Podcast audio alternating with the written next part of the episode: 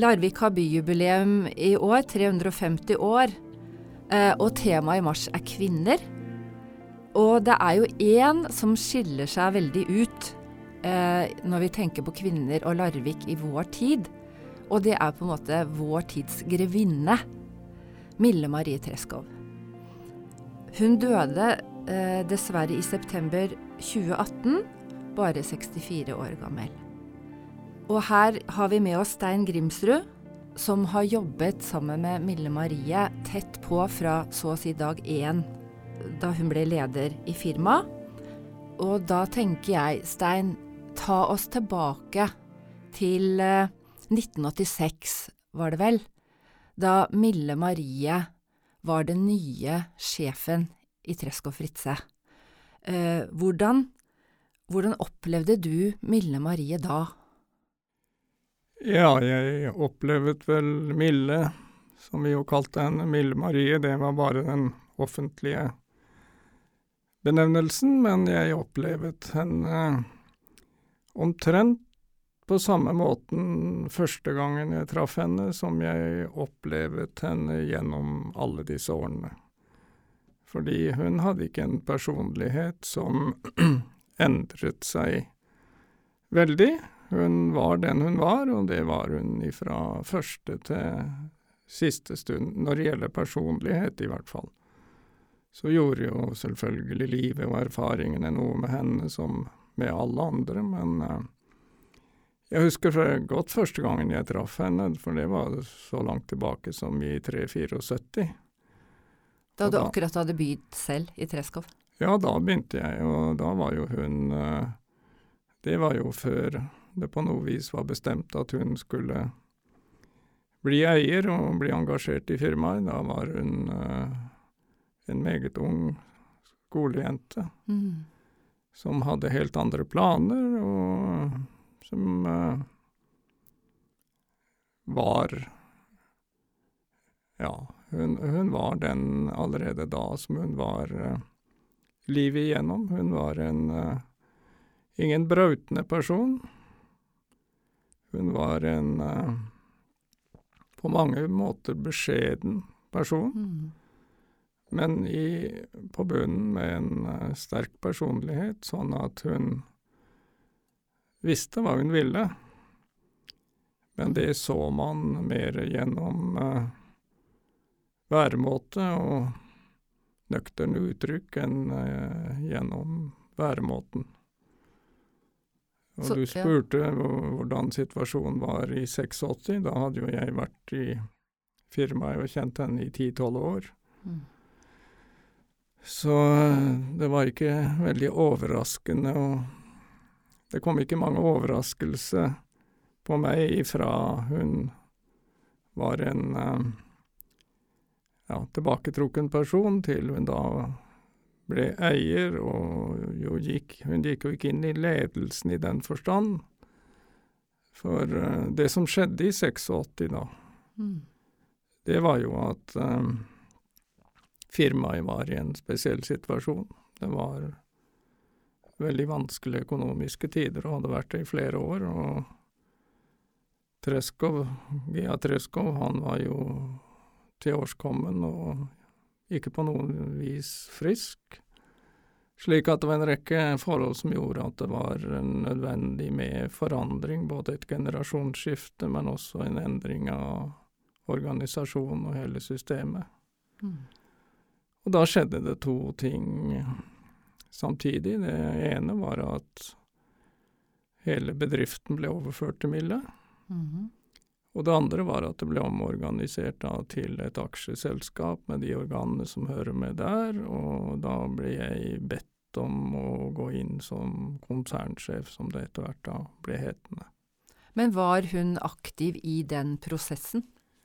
Ja, hun var i hvert fall aktiv i eh, den siste fasen, for hvis vi går tilbake, så var jo Meningen var jo at eh, hennes bror skulle overta bedriften. Mm. Og Fritz det hadde vi kommet et godt stykke på vei med, han hadde faktisk overtatt deler. Da han ble borte så tidlig som i 74. Mm. Og da ble jo alle kabaler snudd opp ned, og ikke minst Treskov tenkte jo tid til å tenke seg godt om, og så eh, ble det arbeidet med generasjonsspørsmål i hele tiden fremover, inntil det da ble klart at alternativet med Mille var jo det som pekte seg ut, og da, fra da var jo hun en aktiv del i prosessen, selv om det var jo det var jo mye rådgivere som tilrettela selve beslutningene, men uh, hun var del i prosessen, og ikke minst så var det jo viktig at hun sa ja, og at hun mm. ville dette. Men hun hadde vel tenkt en annen yrkeskarriere? Ja, det sier seg jo selv, det, i hvert fall frem til da broren ble borte. Mm så hadde hun tenkt seg en helt annen yrkeskarriere. Hun hadde til og med gått på kost, eh, altså i husstellretning, og hatt mm. utenlandsopphold, og hadde vel sett for seg en um, karriere på et selvstendig fundament. Jeg er ikke noe særlig i tvil om det, men ikke som eier og leder i en mm. stor og mangslungens bedrift som Nei, for jeg tenker jo, da, jo, da fikk jo Fritz Gerhard, som broren het, eh, all den opplæringen fra han sikkert var ganske ung, ja. og, eh, så at han skulle inn i firmaet, mens hun var ikke der. Så, men hun fikk allikevel noen år på seg, etter det du sier, til å, til å jobbe seg inn i det. For da var det da hun tok økonomiutdanning også, da? Det var i den perioden at mm. hun da skjønte at skulle hun ta det ansvaret, så måtte hun ha best mulig teoretisk utdannelse og ah. også noe praksis. Og det var jo da hun tok, hun ble siviløkonom og studerte i både Sveits og Amerika. Mm. Så det er helt riktig som du sier, at um, det er veldig stor forskjell på å være født inn i rollen og være fortalt det ifra du er lite barn, mm. som jo Fritz Gerhard fikk, til Mille, da, som ikke hadde de føringene før hun var mm. ganske voksen. Men jeg tenker øh, Hun hadde jo Hun jobba jo litt i For det, hun hadde vel først ansvar for skogen? Ja, hun overtok skogen allerede i 81, mm. men det var mer av formelle årsaker skattemessig og annet, uh, slik at hun deltok ikke aktivt uh, i Hun var fortsatt en del i utlandet. Og den uh, driften av skogen var underlagt resten av administrasjonen, så det var først i 86 dette ble okay. Eller noe før. For jeg tenker jo Jeg prøver bare å tenke hvordan jeg vil hvis, hvis det var meg som var Mille Marie Treskov, og jeg husker jo Treskov Fritzøe på den tiden, det var jo en mannsbastion. I hvert fall i ledergruppa. Det var jo bare mannlige ledere. De kvinnene som var i firmaet, stort sett, etter det jeg kan huske, var vel sekretærer. Uh, og så kommer hun som ung kvinne eh, og skal på en måte ta en lederrolle der. Eh, og jeg tenker jo at eh, jeg tror jeg hadde jeg tror jeg hadde vært litt småskjelven i starten. Ja, det er jo helt riktig som du sier, at eh, tradisjonelt så hadde jo TF kun vært ledet av menn, middelaldrende menn, vil jeg til og med si. Mm. Altså de lederne som var der da hun begynte, de hadde vel vært i firmaet omtrent så lenge som hun var gammel? ja, veldig mange. Mm. Men uh, det var jo allerede Husk på dette var da i 86. Og det var jo begynt å skje en god del rundt omkring i det norske samfunnet da. Mm. Likestillingen, og det var jo kvinner som hadde markert seg mm. og vist at de var minst like dyktige som alle mennene rundt omkring, men det er klart at det var et helt annet bilde da enn det er i dag. Eh, men jeg tror ikke det plaget henne, fordi vi, eh, vi laget jo da eh, noen lederkonstellasjoner. Jeg var jo veldig sentral i det. Mm.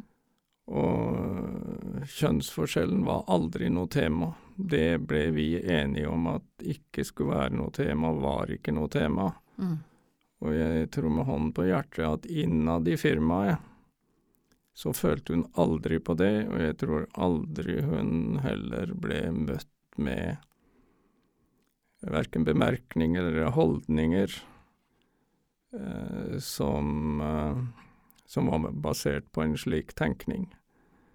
Fordi én eh, ting er nå situasjonen i starten, og alt er åpent, men alle var jo klar over at det var kritisk for bedriften. Og det tok jo ikke så veldig lang tid før Mille ble identifisert med nytenkning, Mm. og sto for eh, omstruktureringer som gjorde at arbeidsplasser ble reddet, og at det skjedde veldig mye fremtidsrettet. Og i hvert fall fra da, så På et stadium så tror jeg faktisk at det ble litt motsatt. For det gamle mannsveldet hadde jo vist at det ikke var noen unik løsning. Mm. Og så kom hun, som var ung, og hun var kvinne, og øh, greide å bidra til og sto for at det ble øh, gode resultater. Jeg tenker på, du, du jobba jo sammen med faren hennes også, Gerhard Åge Treskov. Eh, og jeg har jo forstått på henne at hun var veldig knytta til faren sin. Eh, hva tenker du om lederstilen hans kontra lederstilen til Mille Marie? Ja, for det første så var de nok øh, ikke ulike som personligheter. Han var også en forsiktig i formen og ikke brautende person. Men han hadde en øh, utstråling, som det heter, Mm. og en personlighet som øh, når han kom inn i rommet, så fanget han hele atmosfæren. Mm. Og det hadde også Mille. Slik at de var like slik. Eh, Ja, for det du sier nå, det er at de var oppmerksomme mot andre mennesker. Ja. De Ja. Mm. begge to var lyttende, Mm. og ikke minst så var de veldig lyttende til eh, ja, nedenifra. Mm. Altså, de kunne gå rundt på bedriften og stoppe opp en maskin som de ikke hadde noen forutsetninger for å mene noe om, men de spurte og viste interesse for han som sto der, og han kunne jo leve årevis på den oppmerksomheten han da ble vist. Mm. De var jo Jeg sa jo litt sånn spøkefullt at Mille var på en måte vår tids grevinne, da. Men de var jo nest så nær de kongelige, da. Som vi kan komme her i Larvik, på en måte. Det, det var jo det var, De hadde jo alltid en sånn respekt. Det var Treskov Man sto litt i, i vakt, eh, følte jeg. Ja da, men det var nok også fordi folk valgte å oppføre seg slik. Jeg tror ikke Mm. egentlig det var det verken Mille eller faren ønsket. De, eh, de var jo bevisst den statusen de hadde, helt klart det, og de likte at det var respekt, men eh, folk eh, oppførte seg jo kanskje i overkant ved enkelte anledninger. Jeg er ikke så sikker på hvor mye de satte pris på det. I Mm. hvert fall så hadde de en veldig klar oppfatning av at en del av deres ansvar for å oppføre seg eller opptre, det var å vise enkeltmennesket eh, respekt, og ikke minst begge to var veldig gode lyttere. Du fikk aldri en masete samtale med avbrudd og opphauset stemning. Du kunne komme med Og det fikk mange gjøre. Komme med sine synspunkter og ting, og uansett hvor håpløst det kunne være, så lyttet de. Og det er en egenskap som eh, jeg tror lå i genene, Mm. og som også var eh, ganske bevisst ifra, ifra de begge. Ja, for det er jo som du sier, de ble jo også oppfatta det at du sier at de var litt sånn tilbaketrukne, de hadde ikke behov for å ta så stor oppmerksomhet i, altså rundt seg heller, på en måte. De, de var jo ikke personer som syns så godt eh, i byen, bortsett fra i, i det de hadde og drev med. Men var de var Oppfatta du Mille som sjenert, på en måte? Var hun Ja, hvis det er forskjell på å være sjenert og beskjeden, mm. så hadde hun en beskjeden eh, personlighet og væremåte i formen. Sjenert, det har vi vel alle litt av, håper jeg. Mm. Eh, hun hadde nok litt av det også, og hvis det var en Det er klart dette har også med personlighetsutvikling for alle mennesker, og det er klart at uh, i voksen alder, med alt det hun da hadde fått til, og hvor hele Norge visste hvem hun var, og ikke minst visste hva hun sto for og hadde fått til, uh, så ja, hun endret seg nok litt på det der. Men hun bevarte den eh, litt tilbaketrukne personligheten som eh, som hun vant veldig respekt på Mm. rundt omkring. Jeg tenker dere to som eh, Altså, hvor mange år jobba du sammen med Mille? Ja, det er jo et relativt begrep å jobbe sammen. Da. Vi, eh, jeg kjente henne jo i ja, over 40 år. Mm. 45 år, og hadde jo arbeidet for henne ifra dag én, fordi hun var jo et familiemedlem, og jeg startet jo som advokat for familien. Sånn at um, jeg, hadde, jeg hadde oppdrag og arbeidsoppgaver for henne hele den perioden, men det var jo særlig selvfølgelig fra 86 Mm. da hun eh, ble eier og jeg var konsernsjef. Da var det jo kontinuerlig.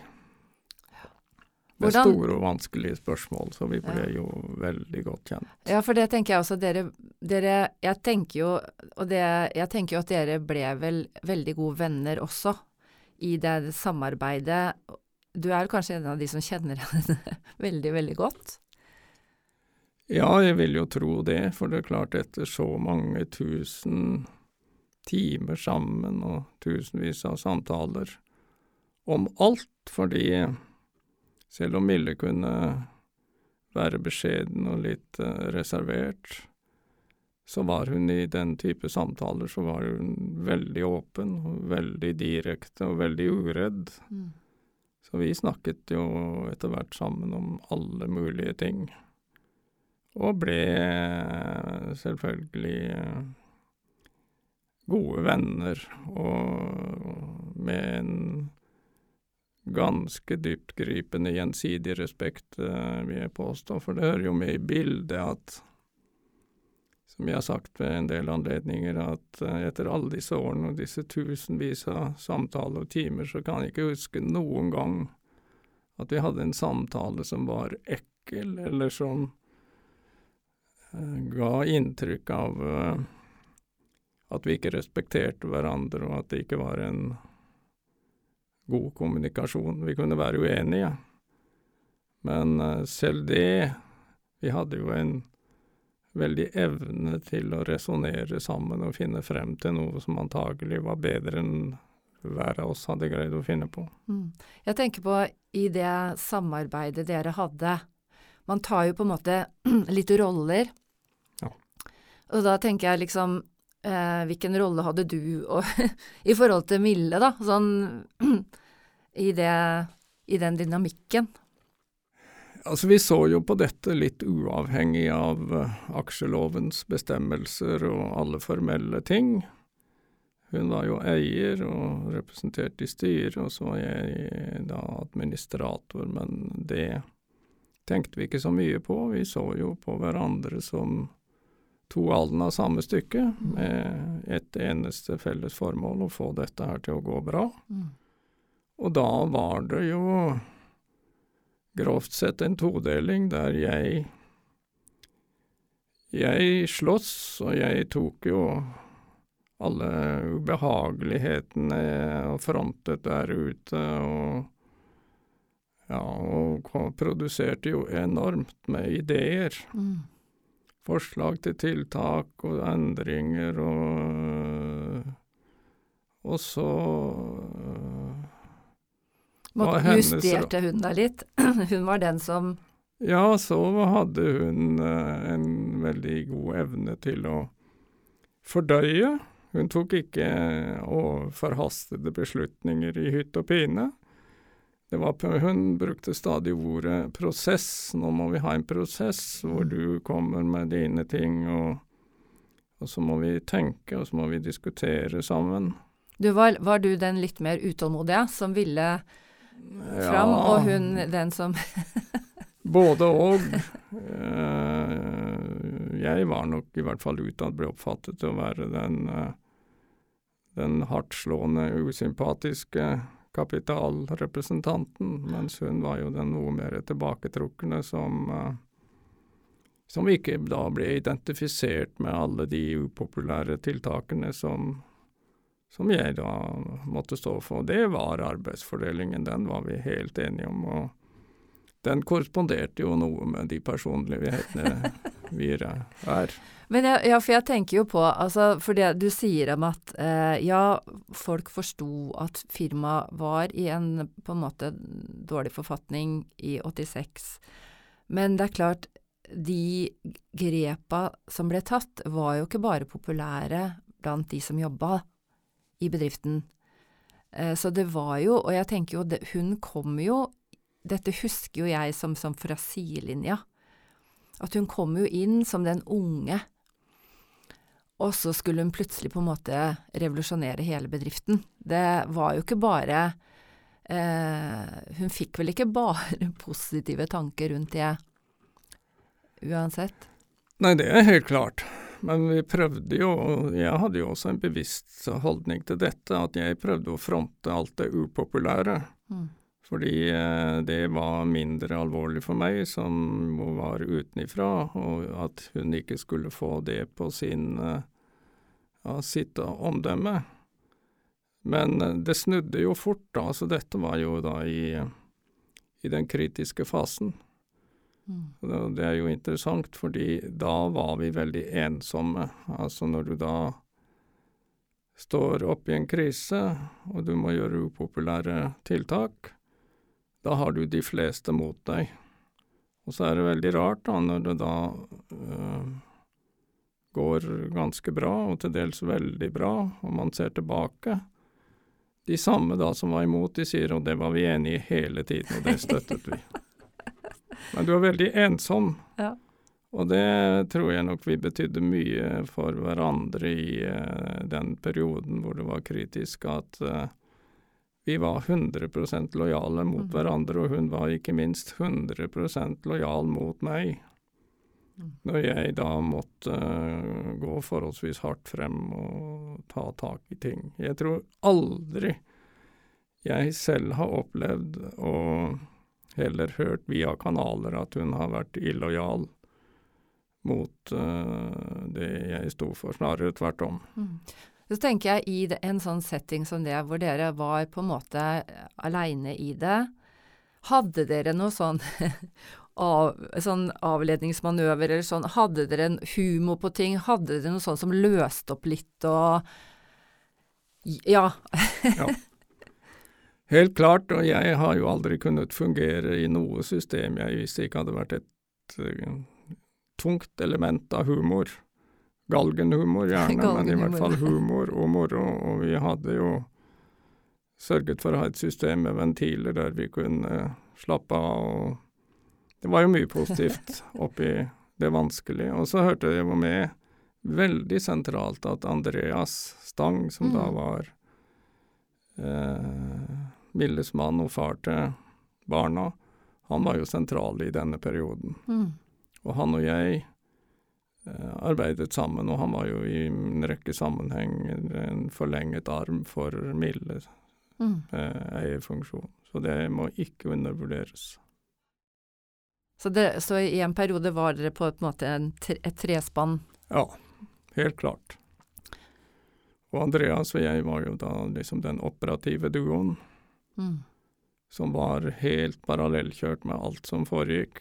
Og så var jo Mille den eierrepresentant, eller eieren, som jo fulgte alt sammen nøye, og og støttet opp om de avgjørelsene som vi etter hvert kom frem til.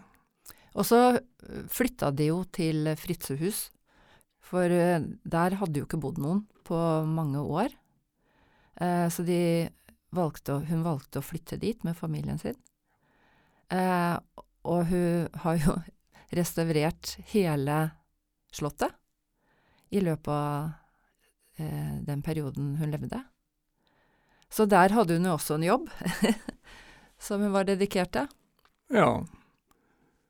Og uh, i timer så var jo den jobben enda mer energikrevende, fordi en ting var da de flyttet til Fritzehus, det var jo forholdsvis tidlig og pusset opp den østfløyen mm.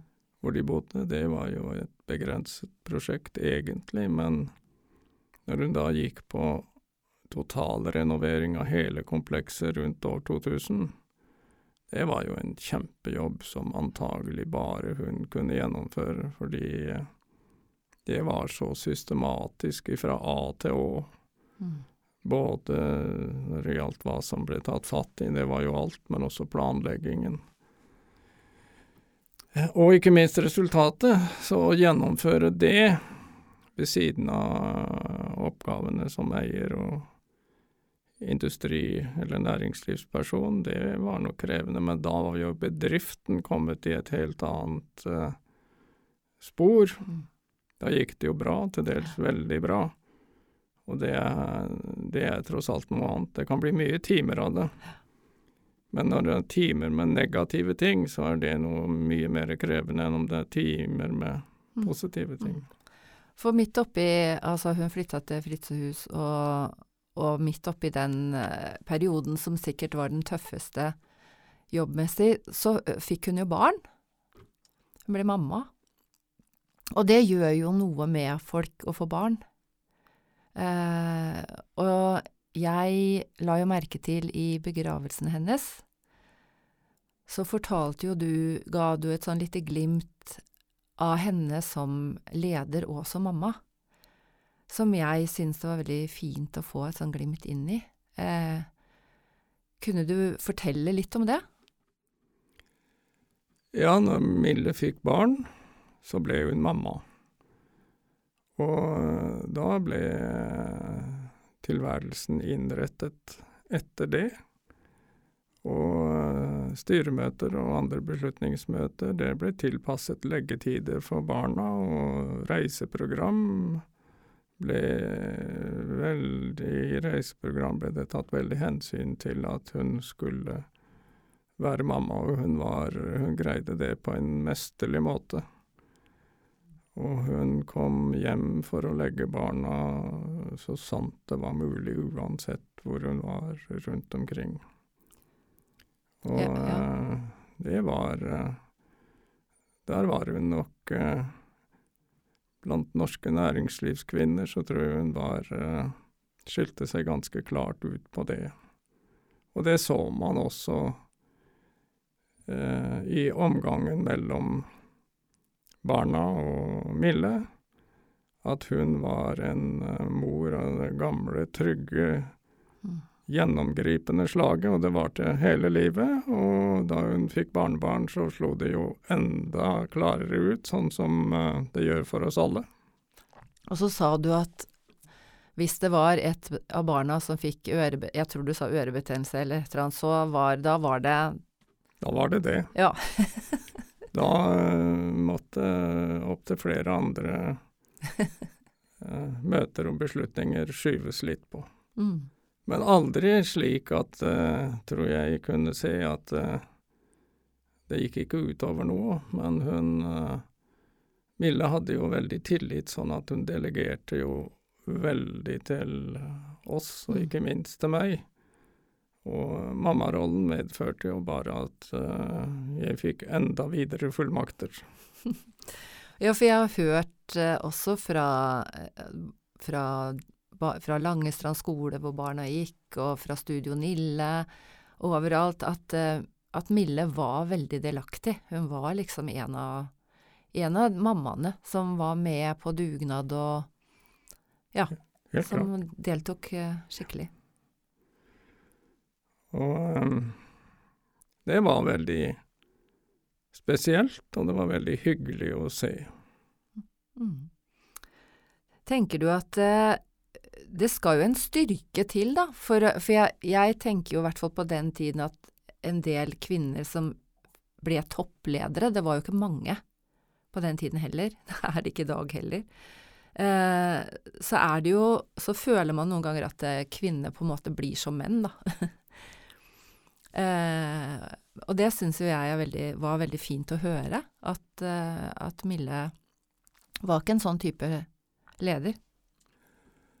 Nei, og der tror jeg Mille var helt klart tidlig ute, og veldig tidlig for sin tid. fordi hvis man ser hvordan dette bildet har utviklet seg, så de kvinnene som ville inn i næringslivet i 70-80-årene, de måtte, måtte, gjøre det på mennenes premisser nesten helt ut, og de måtte uh, ha samme opplegg som om de hadde vært menn. Uh, Mille valgte, i hvert fall fra hun fikk barn, uh, så valgte hun da en helt annen modell, og, som gikk ut på at hun Jeg må være kvinne, og jeg må være mor, og jeg må forene det med denne rollen. Og så har vi jo sett etterpå at veldig mange andre har tatt etter den rollen, og ikke minst gått ut og profilert det. For nå er det stadig å se i mediene at næringslivskvinner de er veldig opptatt av samtidig å få fortalt at de tar hensyn til familieliv og ikke minst til barna. Mm. Og der tror jeg, som sagt, eh, der tok nok Mille en belastning eh, som Hvis det var noe punkt som hun følte noe på, at hun fikk reaksjoner så på, på, så var det nok det at hun sto opp og sa at jeg skal kombinere disse to rollene. Mm. Og hun var tidlig ute. Det kan jo mennene lære nå også. nå er det jo neste fase er jo at de blir like andre veien, mm. men det hører vel ikke inn under denne praten? Nei, ikke nødvendigvis. Jeg tenker jo at uh, det som også er spennende, syns jeg, med Mille, er jo at hun var jo veldig opptatt av byutvikling. Eh, eh, hvis vi hadde sett på et bilde nå av, eh, av Batteristranda og der hvor Fritze Brygge ligger og Bølgen og sånn, så er det jo Det er jo helt fullstendig annerledes enn, enn da hun begynte. Da lå det masse industri, det lå plankestabler, det var industriområde. Og nå er det eh, blitt et byutviklingsområde, som på en måte er indrefileten i Larvik. Eh, kan, kan, ikke du si litt om hvordan, Hva liksom brydde hun Altså, for jeg har på følelsen at hun var veldig opptatt av Larvik og å gjøre noe for Larvik? Ja, det er nok riktig. Eh, altså Larvik med og uten Mille i denne perioden eh, er veldig Det er to veldig forskjellige situasjoner. For hvis man hadde tatt vekk utviklingen i hele Fritz-området, lagt et grått teppe over det og sett hva som nå Nå skjer det jo andre positive ting i Larvik, men da hadde veldig mye vært borte. Og hun uh, hadde et veldig bevisst forhold til at uh, uh, Fritze var jo en del av Larvik, og historien så var det jo Altså historisk perspektiv så var det jo hele Larvik. Det var Fritzegreven som henta Fikk eier, vanlig eiendomsrett mm. til Larvik by, som da tidligere hadde ligget under Tønsberg, og eide byen. Både hus og gater og alt som var, og ansatte hele øvrigheten. Mm. Og denne historien, den har jo selvfølgelig fulgt bedriften eh, fremover, og bevisst eller ubevisst så preget det også Mille. Hun så dette her som Ja, Larvik var en del av Fritze, og Fritze var en del av Larvik, og var veldig opptatt av å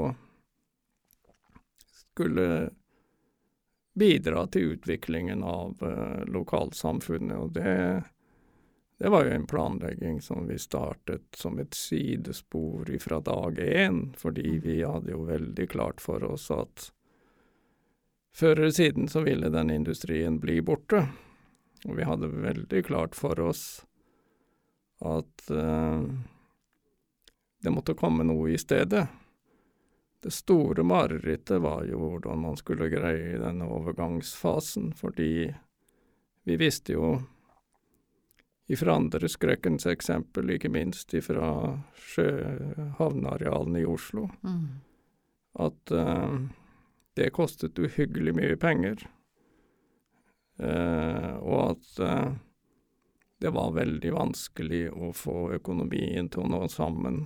En ting er etterpå, når alt er gjort, men å få økonomien til å nå sammen gjennom hele konverteringsprosessen, det så jo vi som et mareritt, og det var hun veldig klar over. Men vi hadde ikke noe valg, og hun som sagt var veldig opptatt av dette, ikke minst uh, utformingen av nye og gamle bygninger, ikke minst også dette å ta vare på det gamle. Vi har jo restaurert, uh, Fritz har jo restaurert elleve-tolv gamle bygninger. Og greid å gjøre det på, etter min mening, en veldig god måte, men det er klart det har til dels kostet mye mer enn å bygge nytt. Så eh, jeg kan bare bekrefte at dette var jo kanskje en av de feltene som Mille var absolutt mest opptatt av, og som også var det vanskeligste for oss nettopp for å få økonomien til å henge sammen, i hvert fall i den tiden hvor det var lite penger. Der, men der lå vel det jeg, det jeg tenker på, er at det virker jo som hun alltid hadde den langsiktige planleggingen. Den lå der. og det var vel sånn som vi kanskje har stolt litt på i Larvik, da, å ha de eierne, de gamle eierne, som er vant til å tenke langsiktig i forhold til mange nyere. Ja da, det ligger jo i hele fritzekulturen, det er selvfølgelig at man tenker langsiktig, for man har vært her i hundrevis av år og, og har planer fremover. Og så ligger det jo særlig i eiendom, da, for eiendom er permanente forekomster. Det er ikke som en fabrikk som du har da, og så er markedet borte, og så river du noe som er borte. Selve grunneiendommen ligger jo der. Mm. Så det gir seg selv at man må planlegge langsiktig og ha tålmodighet, fordi hadde vi ikke hatt tålmodighet, og Mille hatt tålmodighet til å gjøre dette her, så kunne det blitt veldig mye annerledes hvis man hadde hatt kortsiktige perspektiver og bare tvinge igjennom noe eh, for å tjene kortsiktige penger. Eh, og derfor så er det jo Det er jo synd at ikke Mille får oppleve sluttstrekene i hele utviklingsprosjektet av Hammerdalen og tilgrensende, fordi eh, det er mange synspunkter rundt omkring, men jeg har nå ennå til gode å høre noen seriøse synspunkter på at ikke dette har blitt vellykket, og at ja, som eksempel et hotell som vi måtte slite livet oss for å få på plass. ja. eh, og hvis vi hadde prøvd å rive det i dag, så hadde vel nøyaktig de samme kreftene mm. mobilisert. Og det er jo en av byens stoltheter, dette hotellet. Der foregår det ting og er gjester som oppgraderer hele statusen på byen. Og det var jo noe som var veldig bekvemt omkring Mille, og arbeide sammen og for henne.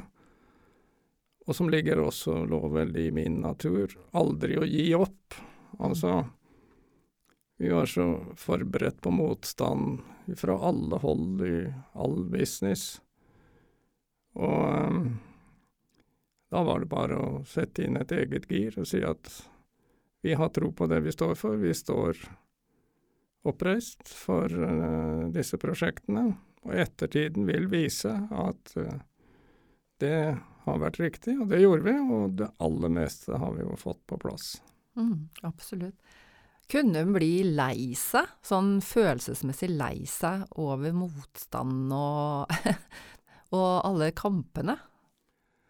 Ja. Det, Mille var nok også et følelsesmenneske slik sett at um, når visste, hun visste jo virkeligheten, hvor ærlige motiver som var, og hvordan man jobbet med det for å få til noe også for byens beste. Og så kom det frem i avisene og på ulike hold motkrefter som uh, spekulerte og tilla henne og oss helt andre motiver, og prøvde å dra liksom hele ja, det prosjektene ned i uh, søla. Mm. Da ble hun lei seg fordi det gikk på redeligheten. Mm. Det var ikke sant. Og eh, det er klart at da får man jo Fikk jo Hoss og hun sine refleksjoner som hvorfor i all verden skal jeg bruke masse penger, slit og energi og alt på dette, mm. når det er så sterke motkrefter. Vi kan bare la det forfalle, og det er jo noen som har gjort det rundt omkring, og de går som regel fri. Mm -hmm. Så vi hadde noen vinter, men uh, der kommer vi igjen tilbake til dette samarbeidet. Det var jo ikke akkurat min legning å gi opp, og heller ikke å bli fornærmet og sutrete, snarere tvert om når jeg merket denne type ting. Så mobiliserte jo det en kamplyst av en annen verden så lenge jeg hadde god samvittighet og trodde på det jeg sto for. Mm. Det er jo forutsetningen for å Mm. Og det visste jo omgivelsene, slik at uh, Ja, vi nådde frem, men det var mye som havnet på toppen i Norge. Og statsråder og regjeringer og annet. Noe på overflaten og noe under overflaten. Jeg tenker på nå eh, Hva er det du savner ved Mille, nå når hun er borte? Nei, det er jo enkelt nok. Jeg savner jo hele Mille. Mm mennesket, selvfølgelig, eh, fremfor alt. Det å kunne gå og møtes, som vi gjorde helt til siste slutt, og ha våre samtaler om alle mulige ting. Og selvfølgelig etter hvert også memorere, husker du. Mm. Mm. Og da kunne jo timene gå fort, fordi der var det mye å ta, og det var godt for oss begge. Eh, så det er jo det jeg eh, savner eh, fremfor alt, fordi ellers så er det min legning at man må innrette seg at alt har sin tid, og at det er nye mennesker og nye situasjoner. Det ser jo jeg bare som positivt for utviklingen. Men jeg savner menneskemiljø, og jeg ser hun jeg, jeg, jobber jo en god del da med historien og setter dette inn i større perspektiv. og jeg tror nok det er helt på det rene at uh, Mille har stått for uh, den største forandringen og mest krevende forandringen av Fritz-bedriften helt ifra starten. I middelalderen, inklusive nedleggelse av jernverk og alt dramatiske så er ikke det noe i nærheten av det som er skjedd i Milles tid. Og jeg tror også det er helt på det rene at uh, det er ingen som har betydd mer for Larviks utvikling, enkeltperson, enn uh, Mille. Fordi uh, man kan ta vekk det som allerede er gjort, og hvis man tar utgangspunkt i det som var, og så ser på det som allerede er gjort, og som de aller fleste oppfatter som veldig positivt for Larvik, og så legge inn konkrete synspunkter fremover hva man tror kan skje, så er det vel ingenting Det er ingen som kan si at uh, noe noen gang har uh, betydd i en såpass komprimert fase så mye for Larvik som, som Mille og hennes tid. Det er jo en del som mener at hun burde bli Larviks nye æresborger. Ja, det var jo et fremstøt på det. Mm. Det strandet vel av formelle årsaker, så vidt jeg skjønte. Det Det var jo krav om at man skulle ha gjort så og så mye utenlands og en del sånne ting, men det er klart at uh, hvis kriterier hvem som har betydd mest for Larvik, og ser også på de som har blitt æresborgere, så tror jeg Mille kvalifiserer godt for å ta en plass der. Mm. Tusen takk skal du ha, Stein Grimsrud. Du har hørt ØP-journalist Kjersti Bakke i en samtale med tidligere konsernsjef i Treskov Fritzøe, Stein Grimsrud. Ansvarlig for podkasten er Foreningen Ropert. Følg gjerne Larviksbodden på Facebook eller på Instagram. Produsent Virvel AS.